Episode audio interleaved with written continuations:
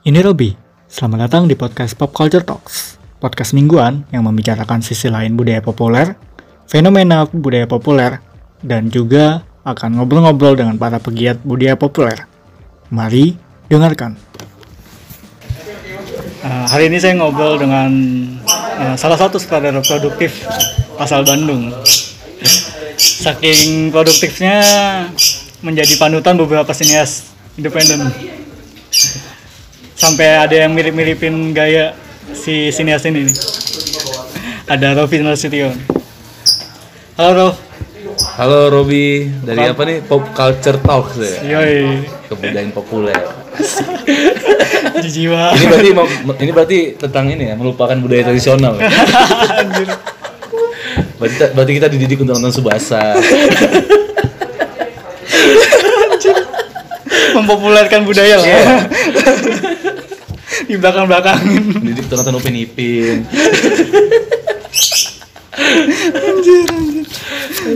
Pokoknya Baru mulai udah black comedy. Ya? Baru udah black comedy. ya gini lah Rofi. Oke. Oke Rof, jadi lu asal Medan. Ah, langsung aja nih ya, kayak pembicaraan waktu kita di WA. Bagaimana pendapat Rofi soal Bandung? Bandung ya. Kalau yang waktu wawancara di me- media Medan itu kan lu bilangnya eh, lo- Bandung tuh kalau misal di film lebih pop kalau misal ngomongin film, tapi visualnya kayak ceritanya meaningless pada saat itu 2018. Iya ya. Enggak, ada berarti ngomongin apa dulu nih, Mak? Bandung gitu. Bandungnya dulu deh, Maksudnya efek Bandung untuk berkarya atau gimana sih? untuk berkarya dulu. Untuk berkarya ya? Hmm. Ya mungkin aku sedikit cerita latar belakang dulu gitu kan. Ya sebelumnya aku nggak nggak pernah kepikiran jadi filmmaker waktu tinggal di kota Medan gitu kan. Mungkin karena Medan itu bukan kota atau provinsi yang di mana industri, industri kreatif itu sangat didukung gitu. Di sana di dikeduakan lah gitu. Ya di sana mungkin lebih lakunya ngapain ya? Mungkin dagang yang dagang yang lebih umum kali ya. Kalau kayak mungkin kalau industri kreatif kayak misalnya dunia audiovisual paling ya kayak wedding gitu mungkin yang lakunya gitu. Kalau buat film pendek terus ada orang investorin tuh kayak jarang banget gitu dan mustahil seperti itu Iya. mungkin kalau ada pasti pasti ya proyek-proyek pemerintahan lah untuk biar membanggakan si pemerintahan itu gitu. Ngeri banget nih kayak gue. mungkin kayak gitu. Karena kalau perhatian seperti itu gitu. Atau enggak mungkin film-film daerah yang membanggakan daerahnya sendiri lah gitu. Tapi jelek banget sebenarnya terus pindah ke Bandung karena kuliah dan nggak pernah pikir jadi filmmaker. Dulu yang aku pikirin itu cuma Desain. ingin jadi desainer dan lebih spesifik lagi desainer Baju baju, bola. bola. kenapa desainer baju bola? Karena aku cita-cita aku jadi main bola tapi nggak kesampaian. Jadi mungkin aku bisa nundupin cita-cita tuh jadi desainer baju bola. Kayak aku bermimpi itu anjing aku desainer baju, desainin baju Wayne Rooney gitu. Anjing keren banget kan karena waktu waktu aku zaman kuliah pas gue pas apa ya? Pas mata kuliah bahasa Indonesia tuh suruh berdiri semua. Disuruh cerita disuruh apa ya itu salah satu lah mau jadi apa gitu. Rata-rata kan jawabannya klise banget kan jadi Yap, animator filmmaker desain grafis gitu. Cuman aku ya yang jawabannya pengen jadi desainer baju bola gitu aparel gitu. sempat sempat nyari juga tuh lowongan kerja Nike anjir lowongan kerja Adidas mimpi aku tinggal di Amerika gitu kan. Atau nggak Jerman dia kan Anjus Jerman kan. Gitu lah tapi nggak tahu waktu tahun 2014 akhir apa ya tiba-tiba kayak eh, mungkin aku dulu asal ikut lomba desain yang yang tingkat nasional itu selalu kalah gitu kan. Nggak pernah merasakan kemenangan lawan nasional. Tapi kok kalau zaman SMA atau tingkat kota ya itu udah gampang banget menangnya. Karena kayak yang paling jago di situ aku sama teman aku gitu satu kota Medan ya. Anjir sombong banget. Tapi ketika nasional kayak susah banget kan. Habis itu kayak kayak aku cobalah ngetes lomba iklan kan awal lomba iklan gitu kan video iklan lah di Bandung gitu kan lombanya di Bandung. Udah bisa juara baru udah karena juara tuh kayak juara nasional lah itu juara lima besar lah kan. Itu kayak baru tuh inspirasi itu berfilm lah.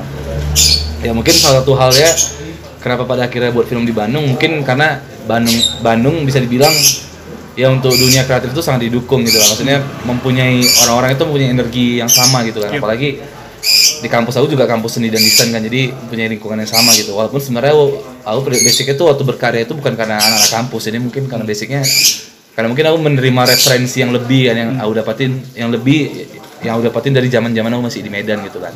Walaupun sebenarnya orang-orang sama aja sih bego-bego ya sama-sama aja gitu. Cuman mungkin kalau di Bandung atau Jakarta Jogja itu lebih maju aja gitu. Ah. ya sem- kalau orang Medan kan mungkin lebih formal gitu kan. Hmm. karena kan dulu orang tua tuh sering bilang kalau ke Jawa tuh orang pintar-pintar gitu. Pas nyampe sini anak unpad tuh Sama bego aja. ya sama aja. STM bego juga sama aja. Ya cuma pemikiran lebih maju aja gitu. Iya iya. jadi mungkin karena adaptasi kota itu yang buat aku kayak kayak apa ya kayak cocoknya ya jadi buat film di sini kan. Sebelum lagi mungkin salah satu halnya adalah apa ya mungkin suasana kota yang mungkin yang bisa mendukung aku untuk apa ya untuk eh, untuk mencari ide-ide gitu kan ide-ide yang segar gitu. Karena mungkin kotanya penuh dengan kedamaian. Kayak damai sih kayaknya. Kayaknya. terus kayak aku tinggal di apartemen sendiri jadi kayak banyak waktu untuk berpikir lah gitu.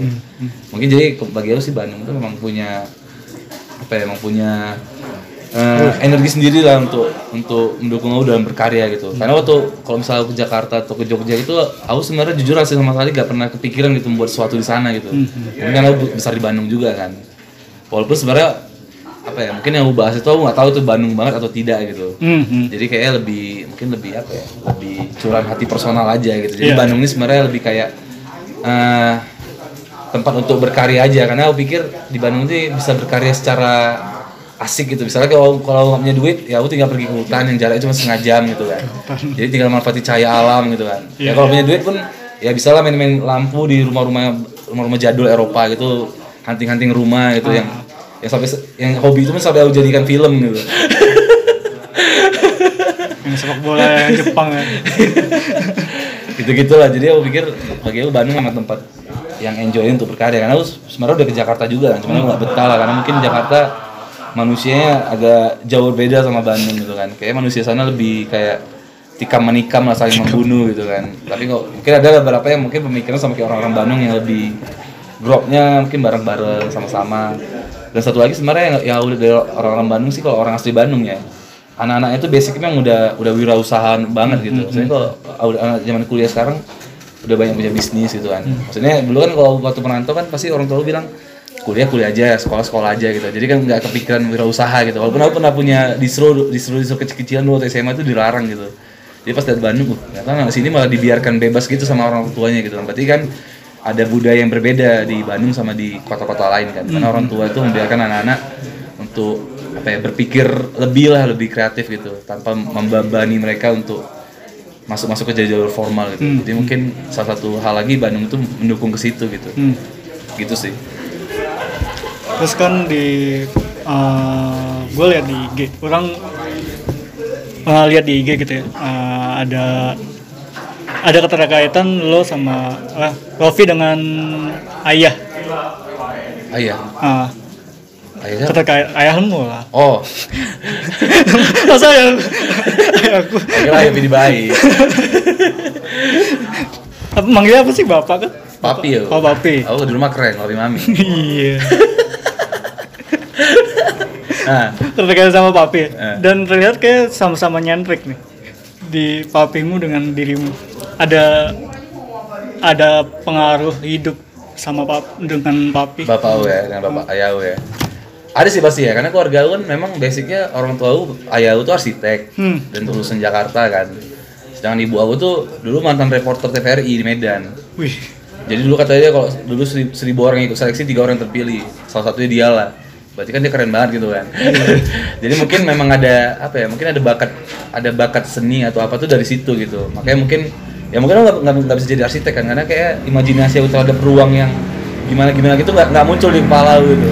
Karena kalau arsitek itu lebih mengerikan kan. Bahkan dia Ah. tahu jalur pipa air, jalur listrik itu kan lebih dalam gitu kan. Jadi mungkin yang masuk aku itu paling ya aku mengenal mengenal interior rumah makanya aku suka mengekspor apa ya ah, ruang ruang. rumah gitu perspektif itu kan memang udah basic dari ayah gitu kan ya mungkin kalau dari ibu aku kan ada anak sastra jadi ya ada bawa-bawaan dikit lah gitu kan jadi memang kalau basicnya memang ada di dari orang tua aku juga gitu ada dar- darahnya dari situ gitu walaupun sebenarnya di keluarga aku di kelan aku misalnya kayak Nasution tuh jarang banget ada orang yang misalnya jadi sutradara itu jarang banget itu ya wajar di Medan kan yang seperti aku bilang tadi kan itu sangat apa ya jadi minoritas lah gitu. Hmm. taunya masuk BUMN atau gimana gimana gitu lah. Jadi Hukum ya. nah jadi nggak tahu ini entah darah dari siapa. Bahkan yang suka sepak bola pun cuma aku kayak.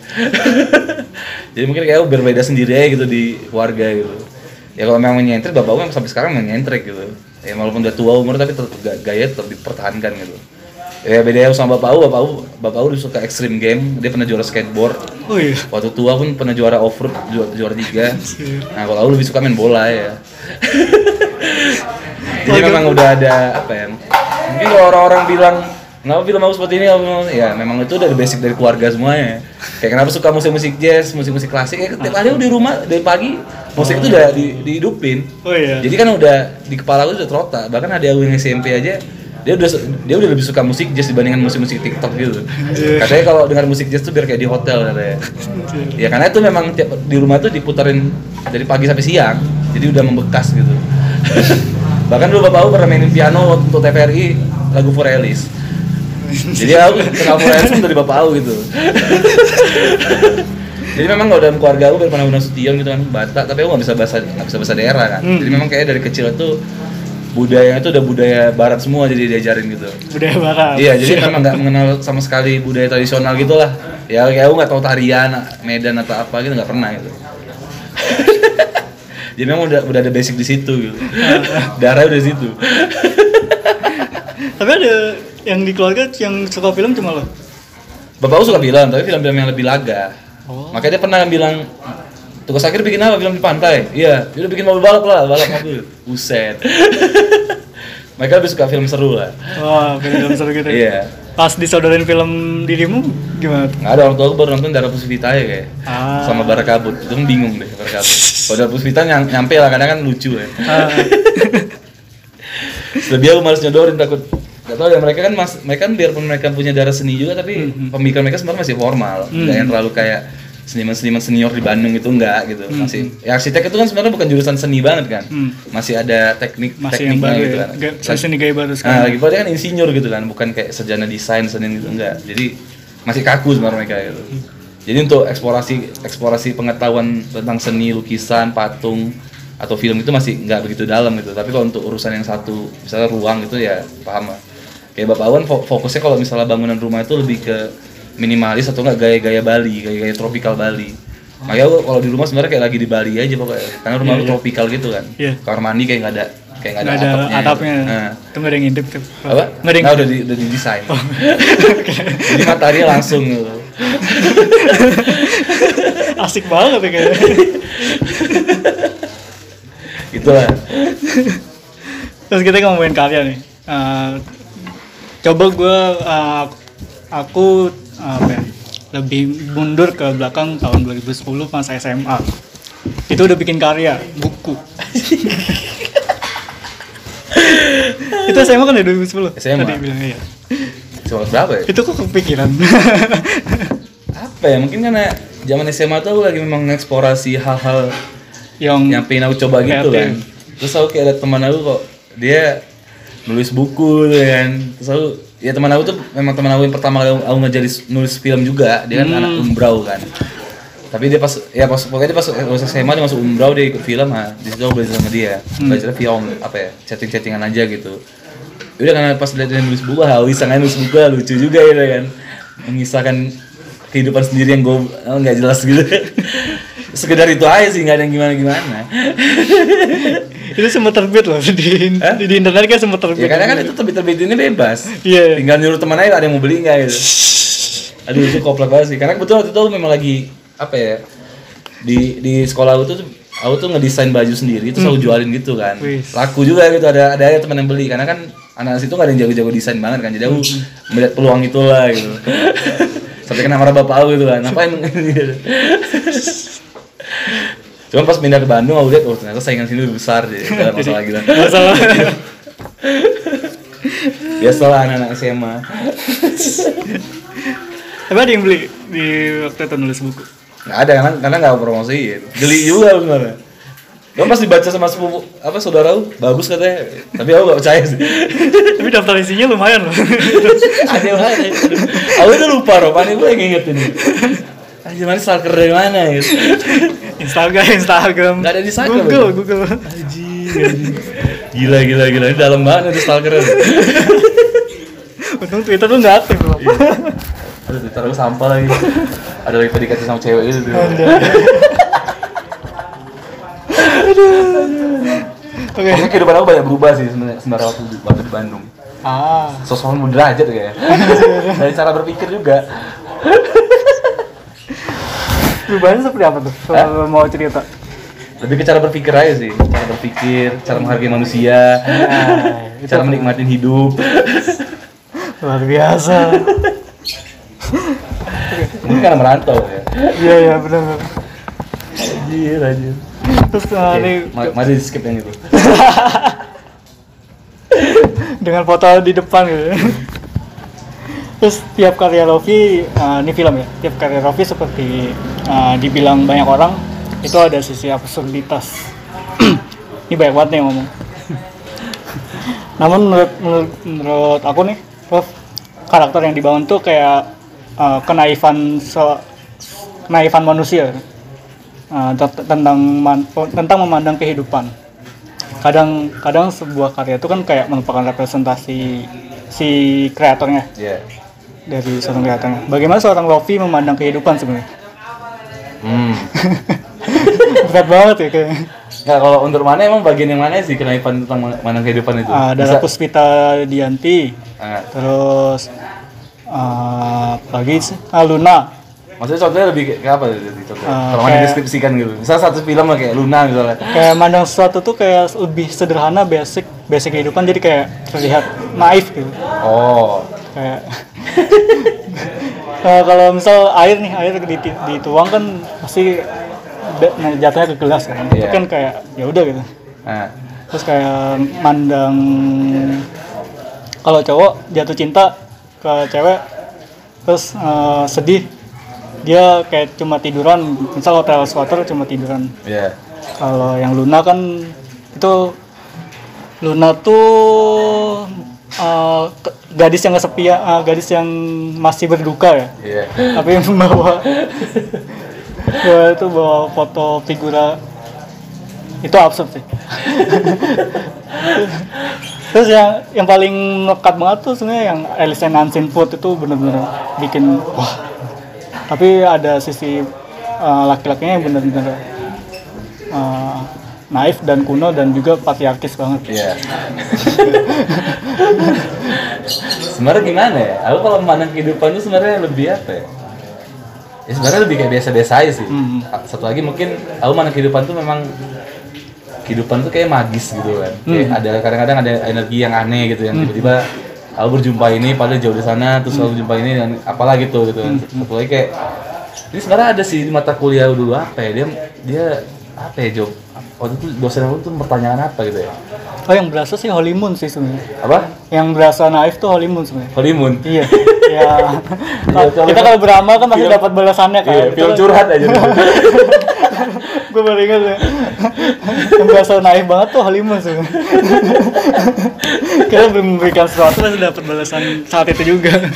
Sebenarnya gini sih, mungkin kalau aku kayak sus- susah sih mendeskripsikan tentang kehidupan itu sendiri gitu ya. Ah, Sus- susah juga dideskripsikan kan. hmm. Terus cuman kalau memang kalau fokusnya aku memang di film itu memang aku selalu ada fokus untuk apa ya? Mencari kemungkinan lain dari kehidupan gitu. Hmm. Misalnya kayak ah, misalnya anggapnya lah misalnya contohnya kayak Olimun gitu kan. Kan orang-orang tua tuh sering bilang Ya, ya. kadang-kadang kalau kita melihat orang susah terus tiba-tiba apa biasanya cerita-cerita ustadz tuh kan ya, kalau betul. kita kasih apa lupa lupa dia tiba-tiba dia itu malaikat ternyata Ah, gitu kan Betul. betul. kita cerita Indosiar TPI. iya coba apa kadang-kadang ada orang minta tolong itu mungkin malaikat gitu ya jadi Iya. kasih aja gitu siapa tahu tuh nanti membawa peruntungan di ke depannya gitu jadi itu yang jadi itu yang coba masukin di Holy Moon misalnya sampai seperti itu gitu mencari keajaiban karena aku pikir kehidupan tuh memang magis juga gitu kan. Ya mungkin karena aku juga spiritualitas kan jadi aku selalu percaya dengan kekuatan doa gitu kan karena sebenarnya apa ya sebenarnya mungkin aku melihat kehidupan yang lebih sangat eksplisit itu terasa waktu umroh sih sebenarnya. Oh. waktu di Mekah itu. Maksudnya itu kan tanah suci gitu kan. Di mana nggak ada di situ tuh orang-orang agama Islam semua gitu. Maksudnya aku di situ tuh memang merasakan anjing ternyata kehidupan sedamai ini gitu ya. Kehidupan tuh cuman kayak ya udah bangun sholat ngaji makan dan keliling-keliling sholat ngaji gitu gitu ya terus. Tapi itu kayak damai aja gitu kan karena mungkin energi itu semuanya damai gitu kan. Terus kalau kata orang tua kan kadang-kadang kalau di di Arab gitu kan kita nggak boleh mikir-mikirin jorok kan. Misalnya Yep. kayak ih kakinya bau gitu. Nanti bau itu bakal mengejar kita terus gitu kan. Nah cuma mungkin aku nggak- berpikiran itu tuh. Tapi aku pernah sekali aku mikir gini kan aduh pingin banget pizza gitu kan. Tapi aku harganya 100 rial kan eh 100 rial tuh berapa ri- 30 rial harganya. Cuman aku malas sekali ngeluarin duit kan. Pokoknya dalam hati aku pengen pizza. Lah aku pengen merasakan karena kan aku su- suka pizza kan. Terus aku kayak selalu mengekspor pengen merasakan pizza pizza tiap negara gitu kan. Misalnya di Arab. Ih, gimana rasa pizza di Mekah ya gitu kan. Tapi aku malas beli kan karena ada- harganya mahal kan. Yang beli beli kebab banyak gitu kan. Duduk lah bentar duduk. Lima menit kemudian tiba-tiba ada orang ngasih pizza. Oh ya. Wow. aneh banget gitu kan. Datang dia lari di belakang mau pizza? katanya. Udah tinggalin aja cabut dia lagi terus aku dapat pizza ya Ju. ya menit kemudian tuh udah. Terus aku merasa kayak wah anjir ini magis nih magis. Iya ya. magis. Bahkan kayak misalnya waktu ini lah pergi pergi tawaf gitu kan dari Madinah ke Mekah kan cuma 7 jam itu. Terus kan nggak boleh pakai pakaian gini kan pakai pakaian Pakai yang nggak berjahit kan. namanya? Ihram. ikro, iram, iram ya. itu kan. Nggak ada nggak pakai color kan oh takut banget mimpi basah gitu. Dingin kan takut demam gitu kan. Nggak pokoknya aku merasa kedi karena waktu itu pergi emang lagi musim dingin Iya, kan. iya, iya. terus aku kayak kedinginan ya gitu. Terus aku mikir ah aku bakal sakit nih. Tapi ternyata enggak gitu nggak sakit aja nggak sakit sama sekali aja. Nggak kelaparan gitu.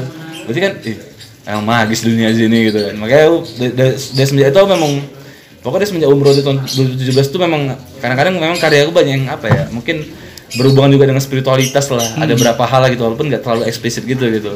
Mungkin tentang keadilan tentang kebenaran atau apalah nggak nggak nggak- nggak ngerti lah. Pokoknya semenjak itu tuh banyak yang pengaruhi juga gitu. Ya kayak eh Holy Moon tuh eh kayak buat Holy Moon tuh itu kan setelah setelah umroh gitu Sweetness Satan sebenarnya ya gitu sih maksudnya eh itu sih aku kalau buat film tuh memang rata-rata emang mencari lain kayak kehidupan yang lain. Oh, tapi tetap basic itu memang ada kisah aslinya lah ataupun mungkin dongeng atau adaptasi. Kayak misalnya Sweetness Satan kan itu sebenarnya kayak bidadari yang mandi gitu kan. Tapi aku mencari perumpamaan lainnya gitu lah kayak selalu mencari bentuk apa ya bentuk-bentuk kemungkinan yang lain gitu kan. Dan itu mungkin terpengaruh kan dari dari referensi-referensi film yang aku tonton gitu kan. Oke. ya mungkin yang paling terkenal kayak Yorgos Lanthimos lah. Dia kan selalu dia kan sebenarnya cer- cerita film dia tuh selalu sederhana gitu kan. Dia kayak ya kayak contohnya dia cuma dengerin ibu-ibu curhat iya anakku bandel ya anakku nakal ya jadi dokter gitu. Yang anak nggak boleh keluar rumah. Bisa jadi film sekeren itu gitu. Jomblo gitu jomblo jadi film kalau jomblo jadi binatang. Kan siapa yang kepikiran ya? Deer ngadaptasi mitos lama gitu kan. Mungkin dukun lah gitu sini ya kan.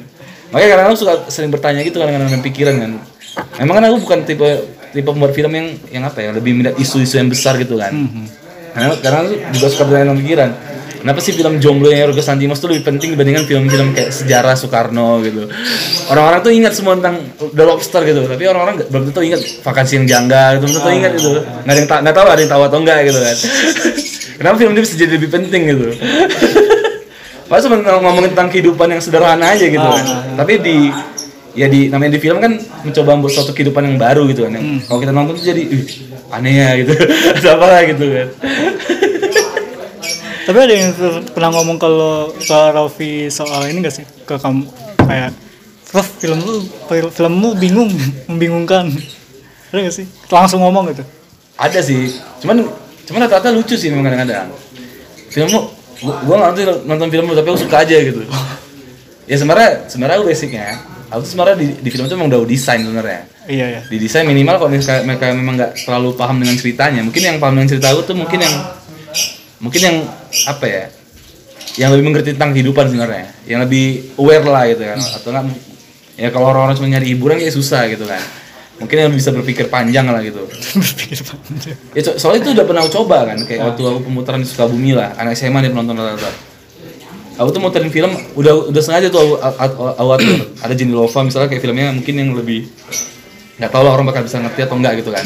Ada It's Not, It's Not Your Anymore. Mungkin tuh filmnya pesan moral banget tapi pas nanya anak SMA mereka tuh suka Jenny Lova. Oh, oke. Berarti kan mereka ada keawarean gitu kan. Walaupun bahkan anak SBA ada yang kuliah nggak ngerti sama film itu. Kenapa anak SMA jadi ngerti gitu? Kan berarti ada ada dua tipe orang dalam menangkap film kan. Ada mungkin dia basicnya teknis ada satu lagi dia pakai perasaan gitu. Jadi jadi sebenarnya kalau film aku tuh memang lebih untuk orang-orang yang nangkap film itu dengan perasaan aja gitu. Nggak usah ngomongin teknis lah.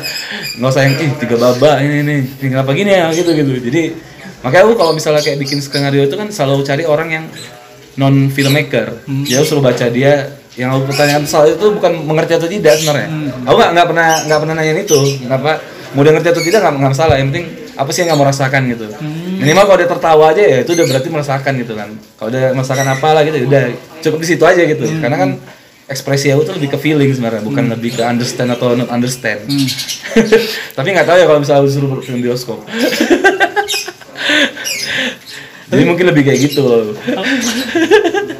Aku penasaran sama Unseen eh, Alice and Unseen Food deh. Hmm. Itu eh, inspirasi waktu mau bikin film itu apa sih?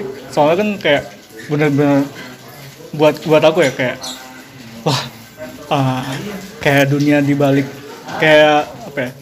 Biasanya laki dominasi ini sekarang eh, perempuan bisa loh ngelawan dominan dominasi laki-laki di situ. Tapi dengan cara yang agak yang agak subtil atau agak-agak banal kali kayaknya kayak kalau menurutku di situ. Ya. Sebenarnya apa ya? Eh, Apa gitu yang mau mungkin tapi, seorang Rofi tapi gitu tahu, sebelum itu sebenarnya sebenarnya aku fokus aku berkarya mungkin bukan Hmm. fokus juga ya jadi jadi mungkin aku berkarya sampai sekarang tuh karena mungkin budgetnya selalu terbatas gitu Hmm, atau apa ya karena itu memang memang itu rada ngalangin juga karena Hmm. ngalangin tuh ekspresi lah gitu kan tapi tapi mungkin dulunya aku tuh kebetulan aku waktu di desain tuh udah terbiasa namanya belajar stilasi Hmm. jadi stilasi itu kayak menyederhanakan bentuk dari bentuk aslinya Hmm. contoh sederhananya itu laki-laki kan kalau bentuk asli gini kan Hmm. tapi di toilet bisa jadi gambar doang yang gitu Iya, kan. iya. tapi kita mengerti itu laki-laki gitu kan nah contohnya stilasi itu gitu tapi itu yang coba aku pindahkan ke film gitu karena kan aku selama ini buat film tuh selalu pakai teori-teori desain gitu Hmm. jadi mungkin itu yang buat film aku tuh terasa berbeda lah kalau orang nonton karena kan orang kalau buat film teori-teori film gitu kan. Kalau aku enggak justru pakai teori yang lain gitu kan. Sih. jadi dia aku coba pakai stilasi lah. Misalnya kayak Luna gitu. Contohnya Luna misalnya. Luna tuh sebenarnya ngomongin LGBT gitu kan. Oh iya. kebetulan kan aku memang ngomongin itu gara-gara aku memang baru baca buku psikologi perempuan lah gitu kan. Nggak sengaja gitu. Ngomongin LGBT tapi secara halus gitu. Awalnya sebenarnya eksplisit tapi karena banyak aktor yang nolak jadi terpaksa aku pakai cara stilasi itu kan. Ya mungkin cara memainkan simbol pakai kuda laut gitu kan. Kuda laut itu kan simbol. Ya sebenarnya tuh simbol yang diberikan sama Asradau awalnya aku bikin apa? Oh kelinci playboy itu lah. Berpikiran goblok gitu kan. Tapi teman aku apa ngasih ini ngasih apa saran pakai kuda laut aja kuda laut kan yang hamil cowoknya gitu kan Iya, iya, iya. Maksudnya kan ya itu sebenarnya energi juga jadi kan ada orang yang nolongin skrip itu gitu kan. Jadi ya ya aku pakai stilasi itu mem- mempersimpel itu kan karena itu juga dibahas di festival kan. Hmm. Mereka bisa membaca itu. Luna ini film LGBT tapi nggak eksplisit yang gimana-gimana gitulah. Justru dia mencari kayak bentuk lain terus kayak ngubungin mitos yang sebenarnya nggak nyambung tapi bisa jadi nyambung gitu kan. Gitu sama kalau di Alisan Seafood Nah sebenarnya kalau Alisan Seafood, Seafood itu apa ya? Kalau basic ceritanya itu inspirasi itu memang dari bapak kosan aku di Jakarta. Jadi bapak kosan aku ini kan Duda dan aku ngekos di situ sendiri kan. Bapak kosan aku ini sebenarnya teman teman teman bapak aku juga teman akrab. Jadi dia memang orangnya playboy banget. Senin Senin sampai Minggu itu cewek ganti-ganti. Oke. Bahkan salah satu wanita, salah satu pacar itu adalah ibu Marsanda.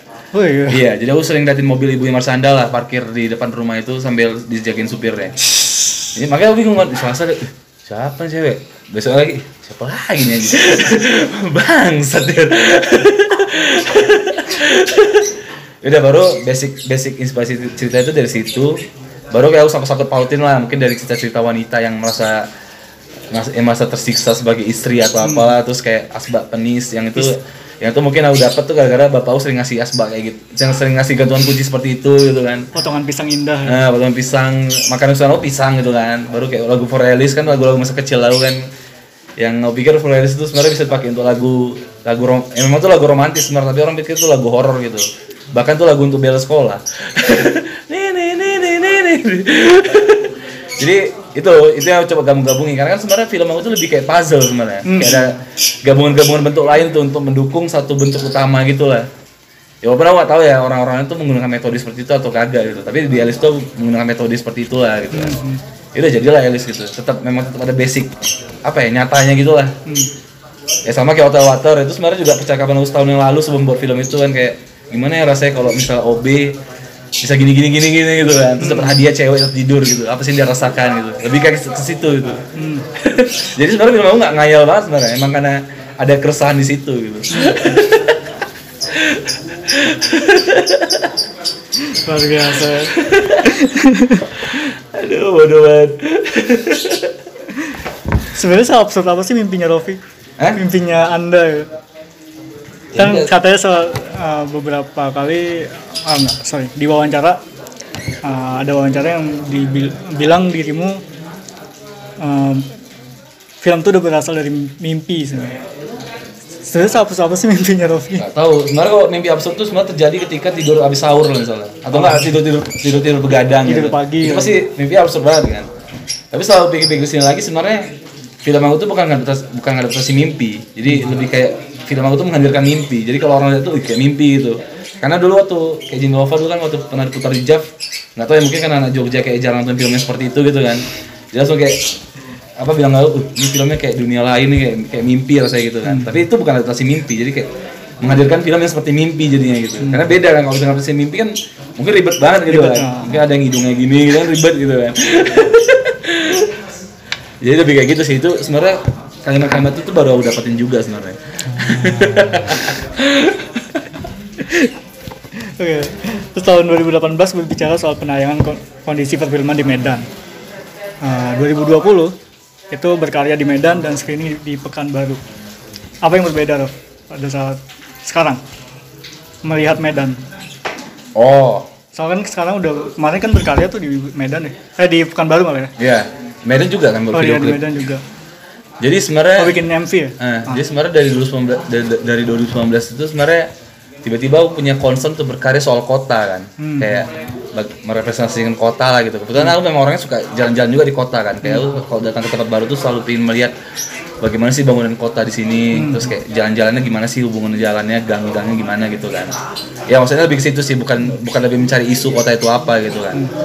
Ya mungkin ya mungkin apa ya, mungkin stimulus tuh datangnya dari ini sih dulu. Mungkin gara-gara Santos Bandung Film Festival gitu kan. Di mana film Bandung tuh nggak ada yang terlalu aware soal kota lah gitu, menampilkan kota gitu. Karena kan kalau tujuan aku nonton film kan selalu pengen lihat misalnya kalau- film Chili oh gimana sih kota Chili? gitu penasaran kan apa cityscape-nya gimana gitu kan. Makanya aku coba ah cobalah sekali-sekali buat film yang menghadirkan cityscape gitu walaupun, kalau di darat Puspita itu masih kurang banget gitu kan. Jadi ya mungkin tuh mulai dari Ivo Aif lah awalnya gitu kan film The Boy itu.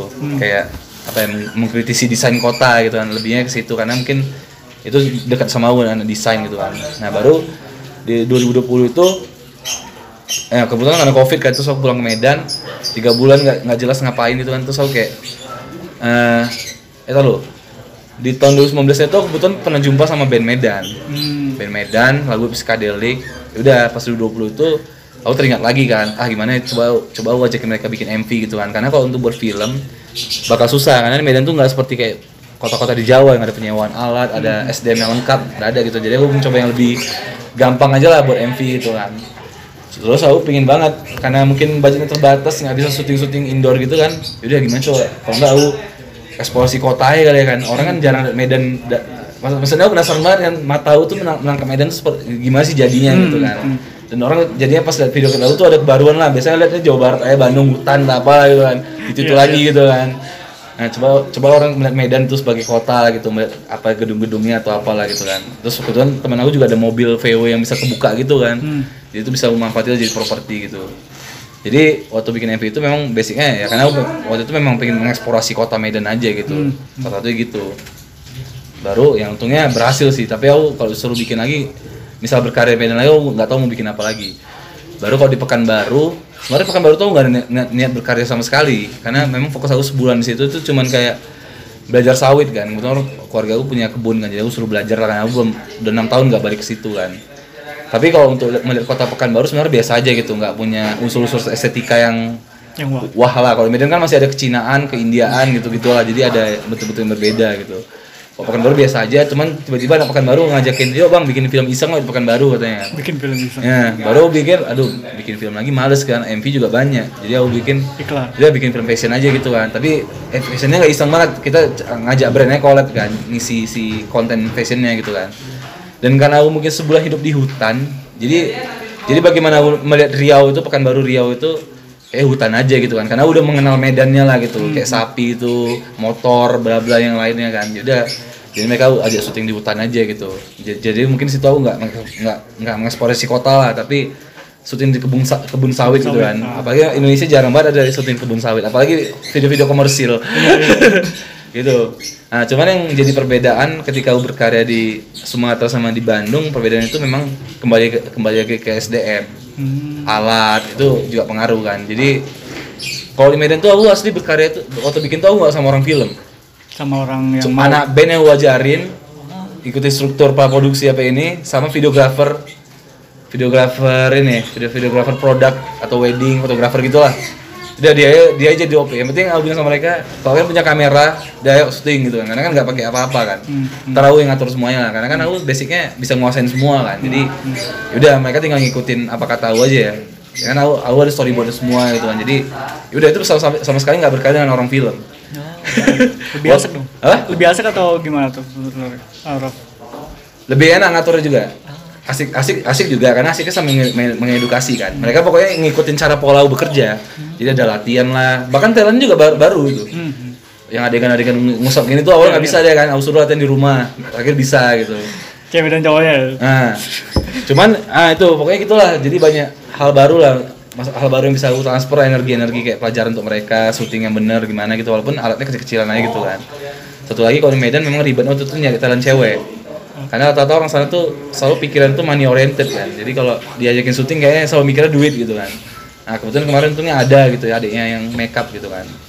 Ya gitu lah untung itu selamat lah gitu kan. Mungkin udah keberuntungan aja gitu. Nah kalau di Pekanbaru bedanya ternyata anak-anak Pekanbaru tuh banyak udah berkecimpung di dunia film tuh banyak ternyata. Lebih lebih maju lah daripada Medan lebih tahu gitu kan. Bahkan kayak ada orang kayak Gali itu pasti susah cari di Sumatera.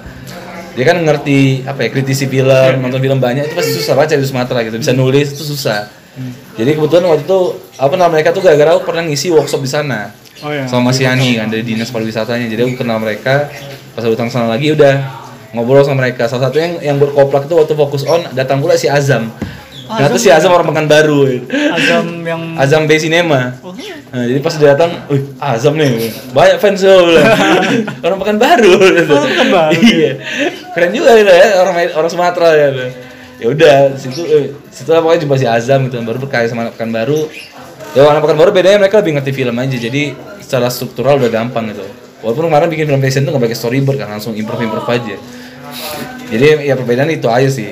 Intinya sih sebenarnya otaknya harus diau juga gitu. Kalau misalnya udah nguasain semuanya, ya mau siapa pun krunya pun gampang udah. Yang penting ada kamera, beres gitu. karena mungkin aku, karena mungkin aku udah terbiasa berkarya secara minimalis ya. Jadi kondisi apa pun kayak aku bisa bikin sesuatu aja gitu tanpa tanpa ada budget se- sedikit pun bisa aja gitu kan. Kalau misalnya lagi gabut-gabut banget gitu. karena memang aku basicnya memang, memang aku butuh untuk eksplorasi kan. Hmm. hmm. Gitulah. Berarti kalau di dirimu kalau misal eh, apa ya, kan suka ek- eksplorasi. Eh, tiap pokoknya tiap em, yang aku lihat kayak eh, tiap tiap ada sesuatu misal tinggal di suatu kota dirimu bikin satu eksplorasi kota kayak di waktu eh, pantai ya yang pantai ya, terus cerita bolak balik saya cerita bolak balik yang dirimu ada voice overnya Oh iya, Pak Ratu. kayak sering banget eksplorasi Nah. Enggak itu kan hotelnya bagus kan. Ah. Jadi pengen aku arsipin aja lah itu, aku rekam. Itu kan nggak ada skenario nya awalnya, jadi aku rekam-rekam aja, terus skenario belakangan gitu. Hmm. Jadi, Coba deh bang. yuk gue keren nih podcast ada itu. keren juga nih nih. Eh, besok ini bang. yuk Bikin konsep besok. Iya, taruh Ayo, ke lah. Taruh kalau misalnya ragu ntar datang sini aja, cek cek cekin lagi. Coba juga Gas. Iya. Biar sendiri di atas. Oh, ke mana? Apa? Ke mana? Ke rumah. Balik bang. Oh. Ada iklan ya Aduh, goblok. goblok. ini nggak bisa dipotong Apa? Ya ini podcastnya masih berlanjut Karena di kantor jadi ada yang cabut ya bang Terus sampai mana tuh? sampai aduh gue lupa yang pantai pokoknya nah, Ya, jadi mau memang- explore Nah. arsip arsip Jadi itu itu ars- arsip aja sih, arsip dokumentasi gitu lah Ngisi ceritanya belakangan gitu lah biar lucu aja. Karena waktu itu aku betul tuh lagi ngejuri sebenarnya. Iya yang jarum ya?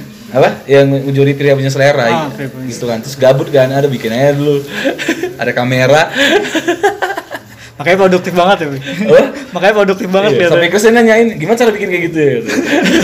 Nanyain di cara polanya. Syuting dulu atau bikin skenario dulu? Gitu. pusing. Iya, kadang-kadang yang justru yang buat asal-asalan tuh jadi inspirasi orang aneh ya? Iya, iya, bodoh banget. Kan aneh loh sumpah. Iseng tapi keren kan lo bikin slogannya gitu iseng tapi keren. Enggak kayak anak, -anak kuliah yang niat tapi enggak tapi enggak keren dulu kritik buat siapa tuh?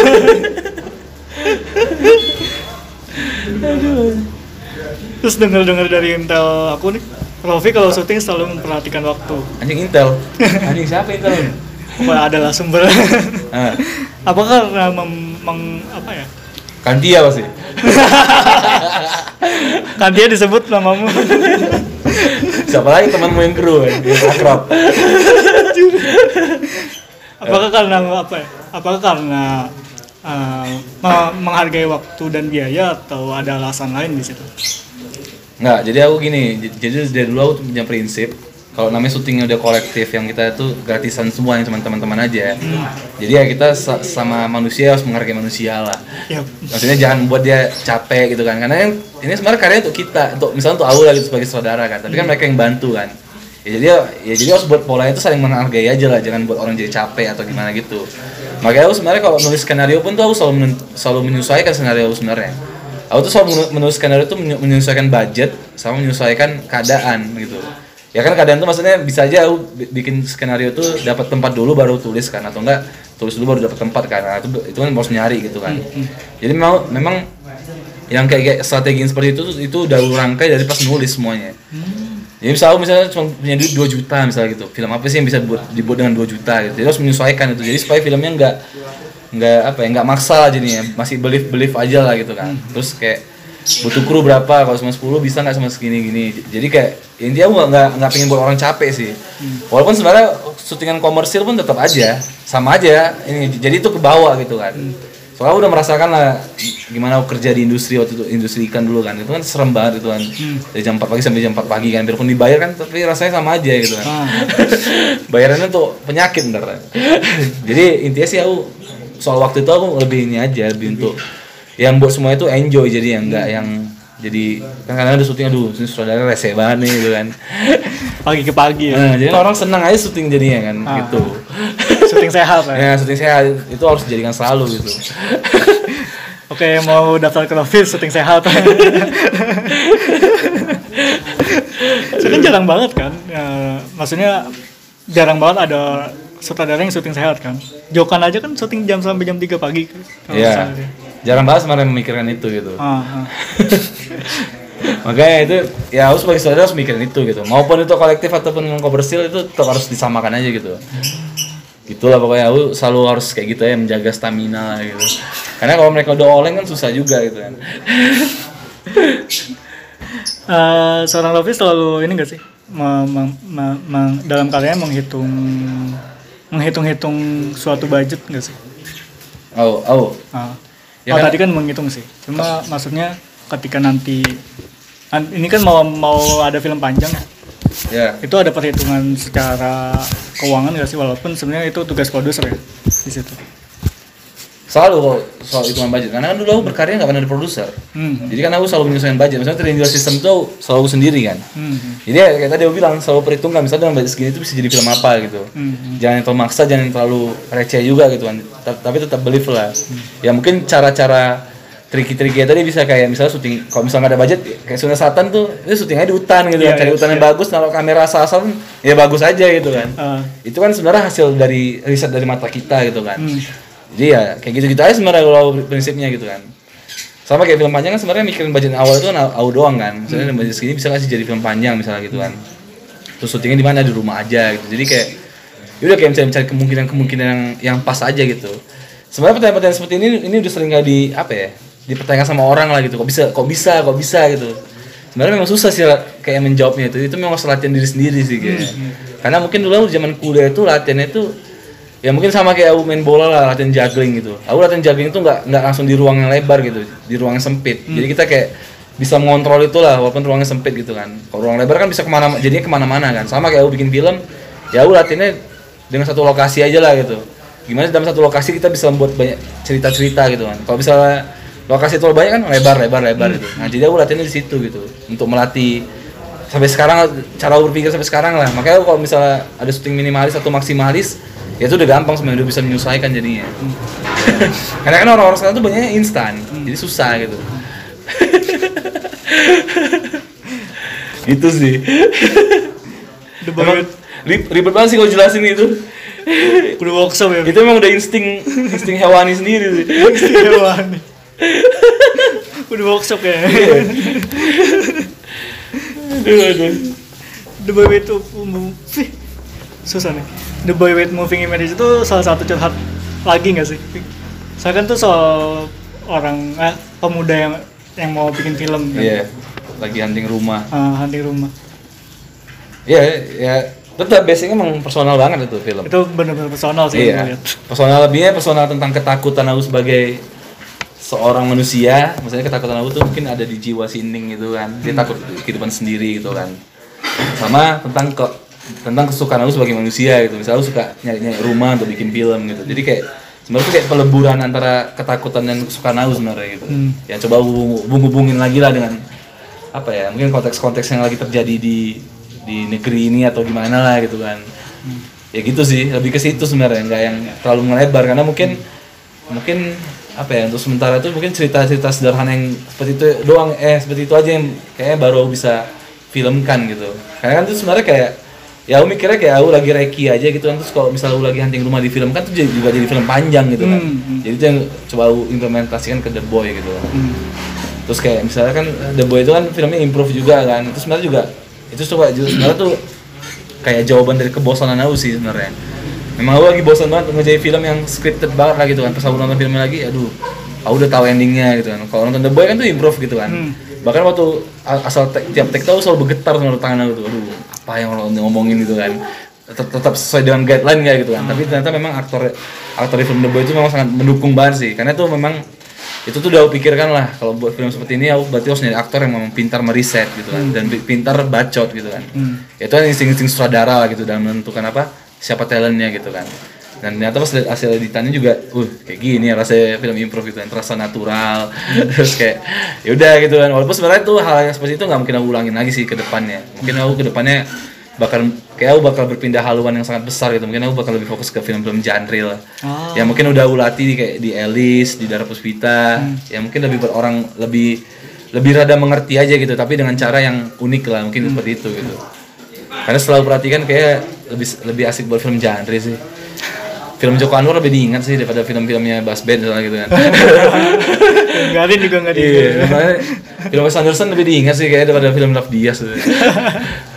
ya walaupun mungkin ada beberapa orang nggak suka film Wes Anderson tapi dia nonton film Wes Anderson tuh kita menghibur terhibur aja gitu Iya, iya. karena karena kan aku dulu di- dididik sama sama Ria Simanjunta kan Hmm. dua bulan di rumahnya dulu latihan skenario ya kalau didikan dia sih intinya buat film itu untuk menghibur orang aja udah gitu. Ya emang iya sih orang kan pergi bioskop memang hiburan gitu. Iya, iya. mungkin kalau orang-orang yang tipe-tipe kritis gitu ya paling cuman dari 10 kayak cuma satu orang. Ya minimal 9 lah dapat duit. Ya tapi mungkin kalau misalnya di film panjang kayak aku belum bisa ngelakuin itu gitu kan. Susah kan jadi ya The Boy aku anggap sebagai gerbang aja dulu gitu kan. Semoga bisa ke sana. Karena mungkin contoh besarnya ada juga di Thailand kan kayak Nawapol kan film awalnya ternyata filmnya mirip The Boy juga cara cara treatmentnya. Walaupun sebenarnya waktu aku bikin The Boy itu aku nggak belum nonton film dia. Tapi pas nonton ih sama lah. Cuman dia bedanya dia lebih merepresentasikan 36 frame kamera analog gitu. Jadi dalam 36 frame itu dia bisa bikin kisah cinta gitu. Ya, jadi shotnya tetap long take, long take, tapi cuma 36 shot jadi film panjang.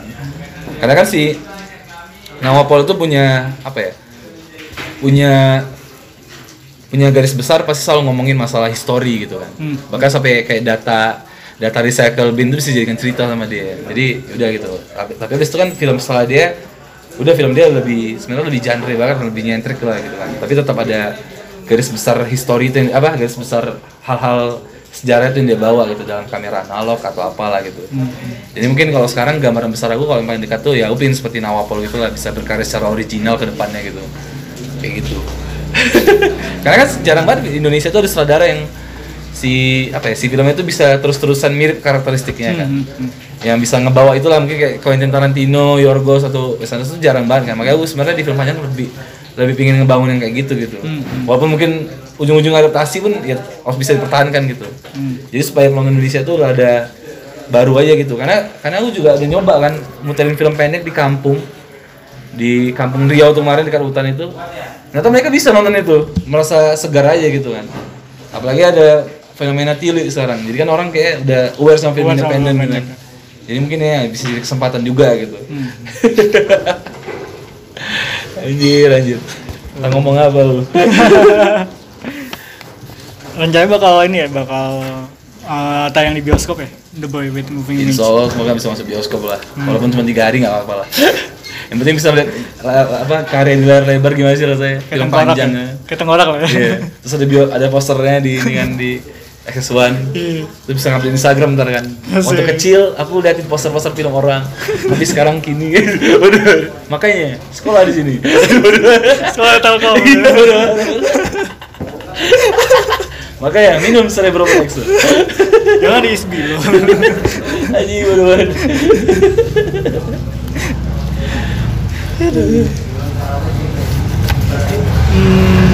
Iya, ada iklan motor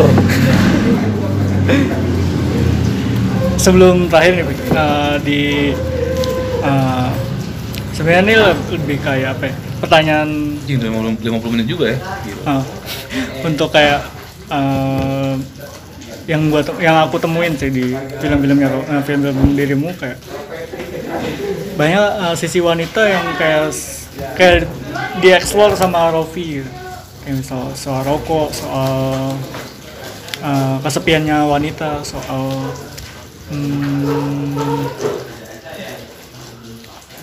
dan lain-lain pokoknya. Eh, ini boleh jawab boleh enggak soalnya agak agak agak entertain atau gosip atau clickbait. Ada apa dengan Rofi dan para wanita-wanita? Sebenarnya kayak kayaknya sederhana sih Napau kayak selalu masang wanita gitu. Ah, Ya aku sebenarnya pengen mem- memerdekakan wanita aja gitu Wih. film Karena kan jangan-jangan sebenarnya film Indonesia itu film pendek misalnya ada saudara cowok tapi ngebahas wanita gitu kan. Mhm. Walaupun sebenarnya kalau kata si Eca Aku tuh sebenarnya kalau film, film tentang wanita pasti pasti itu sebenarnya mindahin diri aku ke wanita aja gitu Jadi aku coba selalu apa ya bikin wanita ini rada jenggo gitu. Iya. Dulu ada orang bilang, gue liat film lu dalam putus tadi anti, buset tuh cewek aja, BS banget ya. Karena menurut aku keren aja gitu.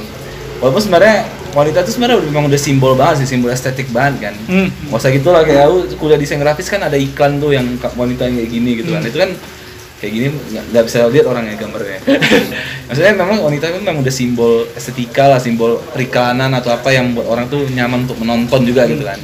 Jadi wa- wa- jadi aku tetap di, di samping aku memerdekakan wanita, sebenarnya samping itu ada memang sisi-sisi itu ya juga gitu. Karena menurut aku ketika aku nge-framing wanita itu kayak, aduh enak banget saya gitu ya, nggak kayak nge-framing cowok gitu. Walaupun sebenarnya aku kalau nge-framing cowok, pasti aku cari cowok yang memang enak untuk dilihat juga gitu kan. Apalagi di film-film aku sebenarnya yang yang yang ada adegan nangis pasti selalu cowok yang nangis bukan Iya, wanita iya, gitu. iya. Bener-bener. kayak di web series Ah. kan nangis deh. Iya, iya. Jadi memang aku memang punya fokus itu aja sih ingin mem- memerdekakan wanita juga di film gitu kan. Walaupun sebenarnya bukan SJW sih. SJW. Karena mungkin ada apa ya? Mungkin ada beberapa tongkrongan yang kadang-kadang misal kayak tongkrongan teman-teman aku kadang-kadang kayak ngomongin wanita itu terlalu seksis atau gimana gitu kan, selalu merendahkan. Ya mungkin di film aku ngasih gambaran itulah gitu kan. Kalau mereka tuh bisa ya kayak gitulah gitu. Susah juga dijelaskan. Aduh anjir. Kalau ro- kalau rokok nggak ada pandangan macam-macam buat di Kalau cowoknya. kalau ya. rokok sebenarnya aku memang suka aja sih liat cewek ng- ng- ngerokok dalam film gitu. Walaupun aku sebenarnya rada terganggu kalau cewek ngerokok di kehidupan gitu. Maksudnya asapnya ganggu aja gitu. Tapi kalau di film itu rasanya aku keren aja gitu kan. Bener sih. di filmmu keren sih. Iya, apa? Di filmmu keren sih. Maksudnya ya maksudnya film aku tetap bergaya gitu kan. Eh. Coklatos ya. Anjir, anjir. Oke, se- eh, setelah terakhir nih udah mau sejam. Eh, ada adlibs atau pesan-pesan dari Rofi Nasution, salah satu panutan filmmaker indie. Panutan lah ya. Gue juga penasaran sih, Rof. Ketika dirimu nonton film yang stylenya mirip, bahkan lebih kayak peketiplek stylenya Oh. mirip sama dirimu. Sebenarnya gini sih, sebenarnya aku, sebenarnya aku dulu ya waktu bikin film di tahun 2014 15 itu, Hmm. aku sebenarnya nggak pernah lihat film kayak gitu Indonesia ya. Walaupun sebenarnya di tahun itu aku memang baru nonton baru nonton film-film kayak Wes Anderson kan, Hmm. tapi memang yang aku ambil itu bukan ceritanya sebenarnya, lebih ke kartunis dia sama properti dia karena kan udah desain kan, jadi wajar lah Hmm. mempelajari itu gitu kan. Tapi setelah bikin Darah Puspita sama Jenny Lova, terus tiba-tiba rame film kayak gitu, bingung langsung.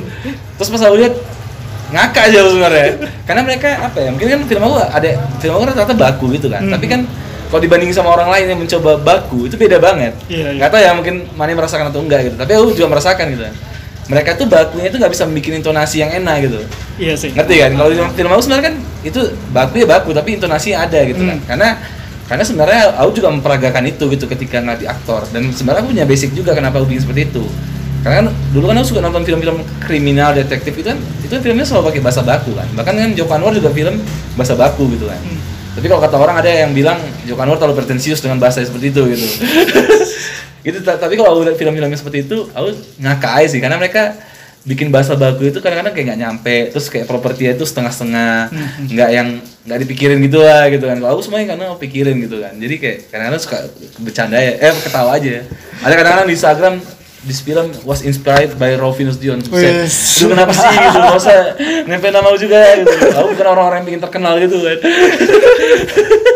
ada berapa berapa kali tuh ada seperti itu gitu? Ini bilang dibuat inspirasi dari Rovi gitu. Aduh come on man. Terus shotnya kayak gitu terus muka aktornya datar gitu. walaupun ada sih artikel yang pernah apa ya pernah nulis apa terus tentang film aku pokoknya aktor cewek di film Rovi itu dia, dia pakai ba- ada bahasa Prancisnya gitu La Soye Belle apa gitu. Apa tetap cantik dan keren aja lah gitu. Kan di film aku cewek itu gak pernah nyobain nyablak gitu kan Ah, jadi ah, ah. stay cool aja gitu. Aduh aduh. Aduh suka ng- suka ngakak udah kayak gitu. Pokoknya gitulah pokoknya semenjak pas semenjak film itu jadi besok besok banyak banget banyak banget film kayak gitu. Apalagi telkom. Banyak men. Jadi men aduh anjing Ada aja. bahkan waktu itu ada juga yang nanya bang coba lihat skenario aku bang aku lagi niru film kayak abang nih niru. Iya, coba pas lihat. Kenapa sih? Bahkan dialog aku ada yang ditiru gitu. Oh, iya. Apa ya di film apa? Matter of Time tuh. Aku mengintipmu di kamar mandi. Itu itu, itu diambil lah itu. Itu kan sebenarnya bayangan jenal aku itu. Kenapa dia harus ngikuti juga gitu. Nggak ngerti lagi. belakan lagi tirunya. Aduh, ke mana? Sampai kayak gitu lah, nggak ngerti juga sih. Mungkin itu itu apa? ya, Mungkin aku mikir apa sih dirasakan oleh Wes Anderson gitu ada di film dia gitu kan. Ternyata kayak gitu rasanya. tapi tapi aku keren juga sih. Maksudnya aku buat berkarya sampai ditiru orang gitu kan.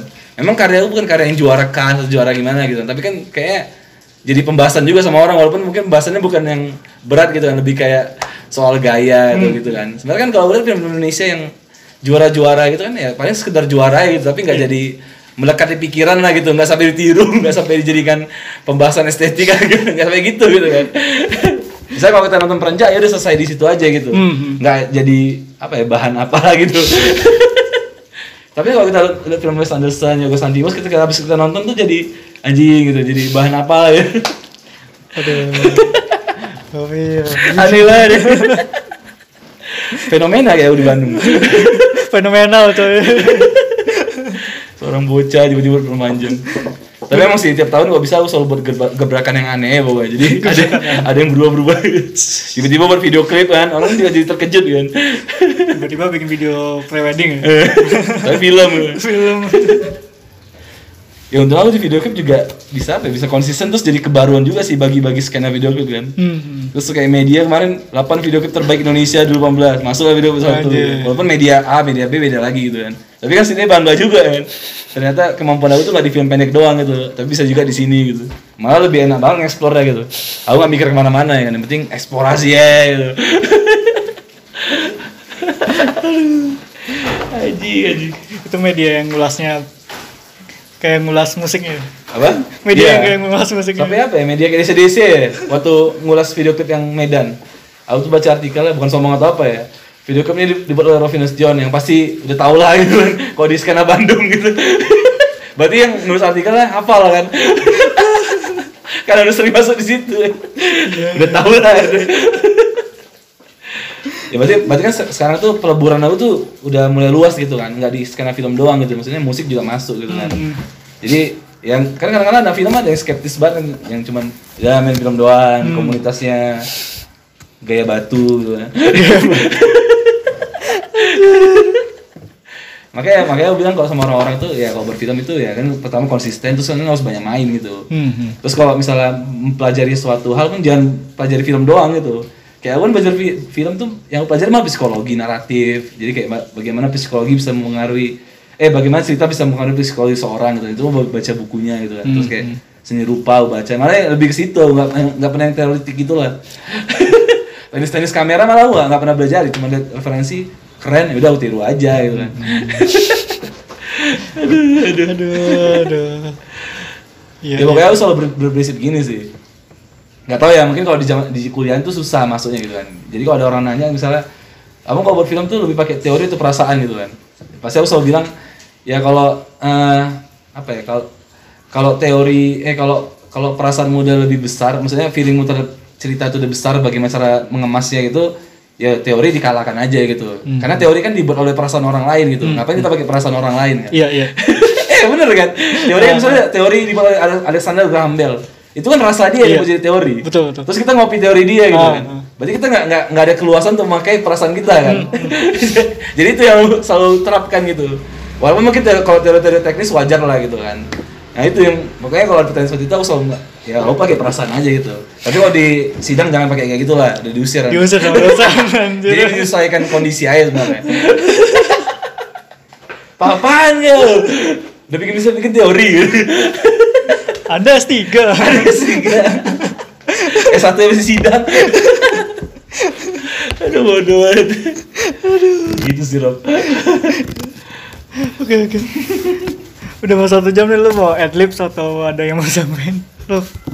Ya nggak ada sih paling mungkin yang mendengarkan podcast ini terus yang pernah ikut seminar atau apa kalau ada yang masih bertanya gimana sih cara buat film yang ini apa yang bisa mempertahankan ciri khas tuh banyak banget yang bertanya kayak gitu.